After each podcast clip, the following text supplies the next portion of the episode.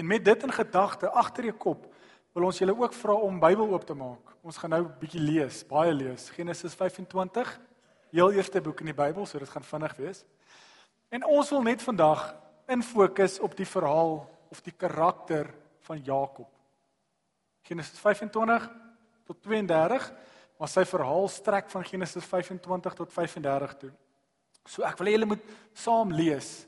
Ons gaan nie alles lees nie, anderster gaan ons tot 12 uur nog hier sit. Maar ons gaan sekere gedeeltes uithaal om vir ons te wys hoe die karakter van Jakob verander as gevolg van God se ingryping. So as ons na die verhaal van Jakob kry, kyk, dan ek dink altyd in my kop dis weet die gesegde het my pa altyd gesê nee, maar hier dit is die ware Jakob. En dit is so waar as jy na die Bybel kyk want as ons na die verhaal van Jakob kyk, dan sien ons hulle steek nie goed weg nie. Jakob is nie noodwendig 'n baie goeie voorbeeld wat jy in die Bybel kry oor hoe om te leef nie. So ons sien hier dat Jakob of God se genade is nie 'n beloning vir goeie vir goeie dade nie. Jakob word nie beloon as gevolg van hoe hy optree nie. Want anders sou hy nooit niks gekry het nie want hy tree nie goed op aan die begin nie. Sal nou 'n bietjie meer verduidelik. Maar later kom ons agter omdat God nog steeds ingryp, besef Jakob dat hy vanuit God se genade kan leef. God se genade is die bron vir goeie dade. So dit is die in 'n neutedop die verhaal van Jakob wat vir ons baie belangrik is. En as ons reg aan die begin lees, dan begin ons in Genesis 25. Ons lees van Genesis 1 af deur en dan kom ons agter maar iewers hoor ons nou van Jakob. So ek wil nou 'n lineêre verstaan hê van vir die eerste keer ontmoet ons vir Jakob in die Bybel. So ons weet nie wie hy is, wat hy doen nie. Ons het al 'n bietjie 'n skoon gemoed as ek dit so kan stel. So ons lees in Genesis 25 vanaf vers 21-22 vir die eerste keer van Jakob. Nou kom ons hoor wat lees ons van hom. Vers 21 van Genesis 25 begin ek lees. Isak die pa van Jakob en Esau. Isak is die kind van Abraham. Julle ken nou die drie aardsvaders. So Isak is die pa hier. Hy het tot die Here gebid oor sy vrou Rebekka, want sy was kinderloos. Die Here het sy gebed verhoor en sy vrou Rebekka het swanger geword. Die kinders het in haar teen mekaar gestamp en daar was konflik en sy sê toe: "Waarom gebeur so iets met my?" So die Here het sy die Here gaan raadpleeg en die Here het vir haar gesê: Daar is twee nasies in jou. Twee volke uit jou sal van mekaar geskei word. Een sal sterker wees as die ander. Die oudste sal die jongste dien. Toe Rebekka haar kinders in die wêreld bring, was dit tweeling seentjies. Eerstes gebore, rooi, vol hare soos 'n veljas en hy is Esau genoem.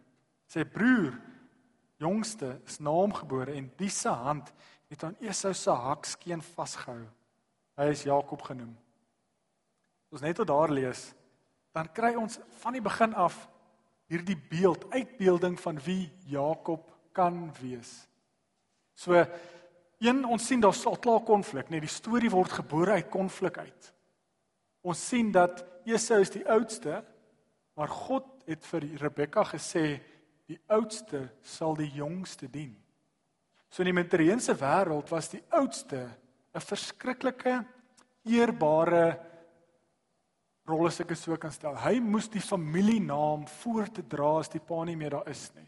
So die oudste seun is bitter belangrik in die Mediterrane wêreld. Maar nou lees ons dat dit omgekeerd gaan wees dat die oudste die jongste gaan dien. En ons sien dit al klaar as hulle gebore word, ja Jakob trek hom terug en sê nee, op die hakskeen ek ek is eerste, ek kom voor jou. So as jy bietjie die konteks verstaan en die tyd waarin dit geskryf word, dan kom jy agter of jy hoor die woord Jakob ek moet dit nooit sê nie maar in Hebreëus beteken baie klink baie soos die woord hakskeen. So is ongelukkig hoe hulle kinders benoem het in daai tyd. Die kind is rooi en hy's vol hare soos 'n veljas, ons noem hom Esau. Dit klink soos Esau. Hierdie persoon hou 'n hakskeen vas, sy naam is Jakob. Maar as jy 'n Hebreëus verstaan gelees het in daai tyd en jy 'n Jood was, dan sê jy vir Jakob in Hebreëus klink baie soos die woord vir bedrieër. So dis bietjie tussen hierdie lyne iets wat ons hier hoor dat Jakob word gebore met die die die identiteit van 'n bedrieër. Of sy naam klink baie soos 'n bedrieër. Is is dit hoe Jakob gaan leef? Is gaan Jakob opleef teen sy identiteit, gebore identiteit as bedrieër? Dan hoef ons nie een bladsy om te bly en dan kom ons agter hy doen. Genesis 27, dis nou 'n bietjie groter. Die konflik is daar. Esau die oudste is natuurlik die oogappel van sy pa Isak. Hy's heeltyd in die veld. Ek meen hy hy hy hy het 'n veljas vir 'n lyf, so hy kan in die veld rondloop. Jakob is een wat eerder by die huis bly by sy ma by Rebekka. Soos Isak die paal bietjie oud, kan nie meer lekker sien nie. Ek eintlik hooplik glad nie sien nie. En ehm um, ek sal nou die grappie verder vertel van hoekom nie verder kan sien nie, maar hy kan nie sien nie. En hy sê vir Esau se oudste: gaan bietjie na die veld toe, kry vir my 'n bokkie of iets lekker wilds, kom maak dit vir my. Maak die kos, bring dit vir my sodat ek as pa jou my oudste kan seën. So hy wil die aflosstokkie oorgee en sê jy moet nou die familienaam voortvat. Rebekka, die ma en Jakob kop in een mis, besef maar hulle kan nie dat Esau die seun kry nie. Jakob moet dit doen. En hulle leef op of Jakob leef op teen sy naam deur op 'n bedrieglike manier sy oudste broer se seun te steel by sy pa. So maklik soos dit. Ons ken die verhaal van Rebekka het sommer al klaar bokkie wat daar lê en sy maak hom gaar en Jakob vat toe hierdie offer of sy die ete vir sy pa. Hy trek ons 'n bokse vel aan dat hy ook soos Esau voel, ryk. Isak kan glad nie sien. Dis hoekom ek sê ek hoop hy kan glad nie sien as jou kind aankom met 'n vel jas wat soos 'n as jy 'n bokvel op jy dan hoop ek regtig jy kan nie sien nie want anderster weet ek nie wat fout is nie. En hy seën vir Jakob terwyl hy dink dit is Esau. Dis so ernstig in die familie dat Esau wil vir Jakob doodmaak. Jakob vlug vir sy lewe nadat hy opgetree het teenoor sy naam, as sy naam, met sy naam. Hy het op 'n bedrieglike manier Isak se seun gesteel. Jakob vlug vir sy lewe en dan kom ons in Genesis 32 wat ons gaan saam nee 28 wat ons gaan saam lees in hierdie vlug nadat hy opgetree het soos wat opgetree het ontmoet God hom nog steeds aan 'n woorde sy dade is nie 'n beloning vir God se ontmoeting God se seën God se genade nie en ons lees in Genesis 28 vers 10 verder hoe Jakob vir God vir die eerste keer ontmoet. Dis hoekom ek julle nou nog gevra het, hoe het God jy jou of hoe het jy God vir die eerste keer ontmoet? Genesis 28 vers 10. Jakob is aan Berseba af ehm um, weg na Haran toe. Teen sononder het hy 'n plek gekom waar hy kon oornag. Hy het daar 'n klip as 'n kopkussing gebruik en hy het geslaap. Hy het gedroom 'n leer staan op die aarde en die punt van die leer raak aan die hemel en die engele van God klim op en af op die leer. Toe kom staan die Here self by Jakob en hy sê: Ek is die Here, die God van jou voorvader Abraham, van jou pa Isak. Ek sal die grond waarop jy lê vir jou en jou nageslag gee. Hulle sal so baie wees soos die stof van die aarde en jy sal jou gebied na alle kante toe uitbrei. En in jou en jou nageslag sal al die volke van die aarde geseën wees. Ek is by jou. Ek sal jou beskerm waar jy ook al gaan. Ek sal jou na hierdie land toe terugbring. Ek sal jou nie in die steek laat nie. Ek sal doen wat ek jou beloof het. Jakob het natuurlik wakker geskrik en gesê: "Die Here is op hierdie plek en ek het dit nie eers besef nie." Hy het bang geword en gesê: "Hoe skrikwekkend is hierdie plek? Dit is niks anders as die huis van God nie, as Bethel nie. Dis die poort van die hemel." Die volgende môre het hy opgestaan, Jakob, en hy het die klip waarop hy gelê het, gevat en regop gegiet, gesit. Toe giet hy olie op die bopunt daarvan uit na die plek Bethel of huis van God genoem.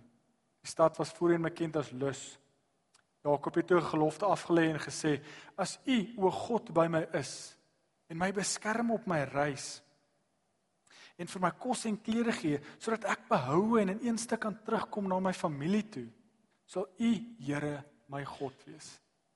Ons lees net tot daar. En wat ons moet sien, hoekom ons die verloop van Jakob se verhaal moet sien is God ontmoet vir Jakob ten spyte van hoe hy opgetree het.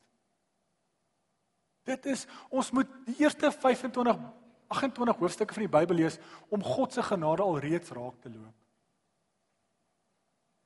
God seën hom en sê ek kyk nie na wat jy gedoen het nie, maar ek seën jou nog steeds. Ek is by jou, ek beskerm jou. Dis 'n keerpunt in Jakob se lewe, die eerste ontmoeting. En as ons na die beeld kyk, 'n uh, kunstenaars uitbeelding van hierdie verhaal, dan is dit Chagall wat hierdie uitbeelding van Jakob se leer, die bekende Jacob's ladder, die eerste ontmoeting tussen Jakob en God of die eerste ontmoeting vir Jakob van God uitbeeld. Hoe lyk jou eerste ontmoeting met God? As ons Jakob se verhaal bietjie verder gaan, dan weet ons hy ons lees waar hy gaan werk vir 14 jaar vir twee van sy vrouens en hy kry lekker baie kinders en die be belangrike deel is nadat hy by Laban was en gewerk vir sy vrouens en kinders gekry het, kom ons agter iets begin verander, begin roer in Jakob se lewe. Hy's nie meer die persoon wat op sy eie stoei met God en op sy eie manier wil voorkom in die lewe nie. Die ontmoeting met God bly hom by. Dan lees ons in Genesis 32 'n kardinale keerpunt vir sy lewe. Waar hy God vir 'n tweede keer ontmoet. En ons lees in Genesis 32 vanaf vers 9 hierdie woorde waar Jakob besef hy hy's afhanklik van God. Dis natuurlik in 'n oomblik van nood want hy besef maar hy moet teruggaan, hy wil teruggaan na sy familie toe. Hy moet nou Esau gaan ges, van gesig tot gesig gaan sien. Hy moet Esau gaan face sy oudste broer wie se seun hy gesteel het, wat hom wou vermoor het. Kom hy agter Jakob kan nie noodwendig Esau se hart sag maak nie, maar God kan Esau se hart sag maak. Jesus in Genesis 32 verder dat ehm um, Jakob stuur klomp geskenke vir Esau voor die tyd om te probeer sy hart sag. Maar dan wil ek vir ons saam lees vanaf vers 22, Genesis 32 vanaf vers 22. Die nag het Jakob opgestaan en sy twee vrouens en sy twee persoonlike slavinne en sy 11 kinders gevat en deur Jakob se drif gegaan. Nadat hy hulle deur die rivier gevat het, het hy ook alles wat hy besit laat deurgaan. Jakob het alleen daar agtergebly en 'n man het tot dagbreek met hom gestoei. Toe die man agterkom dat hy nie vir Jakob kan wen nie, het die man terwyl hy met hom stoei, hom teen die heup geslaan en sy potjie laat uitspring. Nee, die man het vir Jakob gesê: "Los my tog net uit, wanneer sal dagbreek?" Jakob het geantwoord: "Ek sal jou nie los nie voordat jy my nie seën nie." Toe vra die man: "Wat is jou naam?" Ja, antwoord Jakob: "Ja, die man sê te vir Jakob: Jy sal nie meer Jakob genoem word nie, maar Israel." want jy het teen God en teen mense 'n stryd gevoer en jy het dit end uit volgehou. Toe sê Jakob: "Sê my tog net jou naam." En die man vra: "Waarom wil jy my naam weet?" Toe het Jakob of die persoon het net toe daar vir Jakob geseën en Jakob het die plek Peniel genoem want hy het gesê ek het God van aangesig tot aangesig gesien en tog het ek nie omgekom nie. Lees net tot daar. En dan kan ons ook op die bord 'n tweede uitbeelding wys van die einste Chagall wat hierdie stoei tussen Jakob en die engel uitbeeld. En die mooi beeld as ons Jakob se verhaal volg is dat hy's gebore met 'n identiteit dat hy dalk 'n verdreer kan wees. Hy hy tree op as een. Hy hy steel sy broer se seun Maar ten spyte daarvan ontmoet God hom en God seën hom en sê ek's by jou. Hierdie ontmoeting begin in Jakob se lewe iets roer. Ons kan nie weet wat nie. Maar ons sien hier dat Jakob vir 'n tweede keer God ontmoet. En die mooi deel hiervan is hy kry 'n nuwe naam. Hy's nie meer bedrieër nie, hy's nou Israel. Hy's nie meer Jakob nie. Hy kry 'n nuwe identiteit. God gee hom 'n nuwe identiteit. Wat ek vandag in julle harte wil neersit, wat wat God wil vir julle op die tafel wil neersit is Miskien is ons verlede so donker dat ons nie eers daaruit kan sien nie. Ons lewe is dalk so stikkend dat ons nie dink dat God eers vir ons kan kyk nie. Ons het dalk 10 Jakob verhale in ons eie lewe van hoe ons God bedrieg en optree teenoor sy wil. Maar ten spyte van dit ontmoet God ons. En hy slaan ons elkeen op die heup sodat ons potjie uit uit uitspring. Dat sy identiteit op ons is, dat hy ons 'n nuwe identiteit gee. Ek wil dalk uitbeeld laastens deur 'n finale foto van die einste dieselfde kunstenaar Chagall maar nou beeld hy dieselfde verhaal uit maar deur loodglas. So jy kan ook na jou linkerkant en regterkant kyk as die as loodglas en hoe dit lyk. En as ons hierdie metafoor in ons eie lewe in inbou en onsself in hierdie storie inplaas, dan hoop ek die volgende. Maak nie saak hoe stikkend ons verlede is nie. Net soos wat glas Loodglas word gemaak deur stukkies glas, deur stikkende glas. Maak nie saak deur hoeveel egskeidings ons is of hoe erg ons verslaaf was of hoe erg ons lewe was nie. Maak nie saak hoe stikkend ons voel ons lewe is nie. God is die kunstenaar wat hierdie stukkies glas van ons lewe kan vat en aan mekaar kan giet en 'n kunswerk maak wat mooier as Chagall se eie uitbeelding hiervan is. Ek wil dan 2 Korintiërs 3 vers 18 lees om hierdie beeld verder te vat wat Paulus vir ons sê. Uh 2 Korintiërs 3:18 sê ons almal weerspieël die heerlikheid van die Here want die sluier is van ons gesig af weggeneem. Ons word al hoe meer verander om aan die beeld van Christus gelyk te word. Die heerlikheid wat van ons uitstraal, neem steeds toe. Dit doen die Here wat die Gees is. Net soos loodglas vensters die volle potensiaal van die pragtige die beeldskone kunswerk van 'n loodglas venster eers gesien kan word as lig deur dit skyn. Moet ons toelaat dat God se heerlikheid ook deur ons lewe skyn. Ons voel dalk, maar ons is so stikkend. Hoe kan God enigstens lief wees vir hierdie stikkende hoopglas? Ek hoop vandag jy voel hoe God jou in die heup slaan en sê ek's lief vir jou. Jy's myne. My liefde hang nie af van hoe jy opgetree het nie. Maak nie saak hoe erg jou verlede is of wat jy gedoen het in die verlede nie. God het jou nie minder lief nie. Miskien is God besig om hierdie stikkende glas van jou lewe aan mekaar te maak om hierdie perfekte, asemrowende kunswerk te maak. Miskien is jy al klaar besig en jy kan sien hoe hierdie kunswerk lyk. Maar die punt is God se vingerafdruk is op jou lewe. Net soos wat Chagall se vingerafdrukke op hierdie glas is. Mag ons besef dat ons goed genoeg is vir God dat hy aan ons kan raak en 'n meesterstuk kan maak. Ja, natuurlik is ons nog steeds stikkend. Ons is nog steeds mense wat foute maak.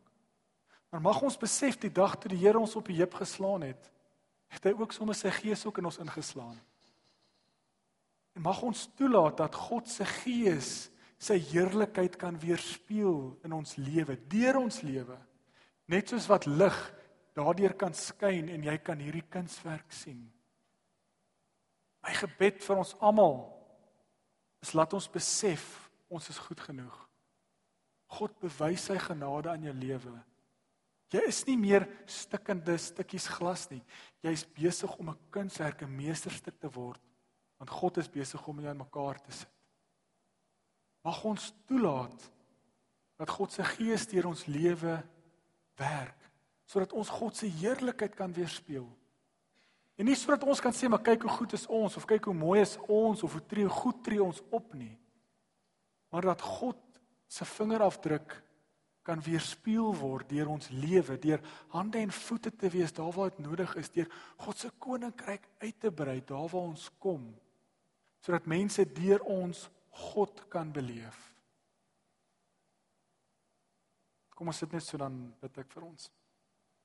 Here, dankie vir die voorreg wat ons het om U naam te te loof en te prys. Dankie dat ons U woord kan oopmaak en kan ontdek hoe liefdevol U is dat Here maak nie saak hoe stikkend ek is nie, U is lief vir my. Dankie. Dankie dat U dink aan my as 'n sondaar. Dankie dat ek goed genoeg is dat U aan my kan werk en 'n meesterstuk kan maak. Here help ons dat ons nie vaskyk aan hoe goed ons is of die meesterstuk wat ons is as gevolg van U handewerk.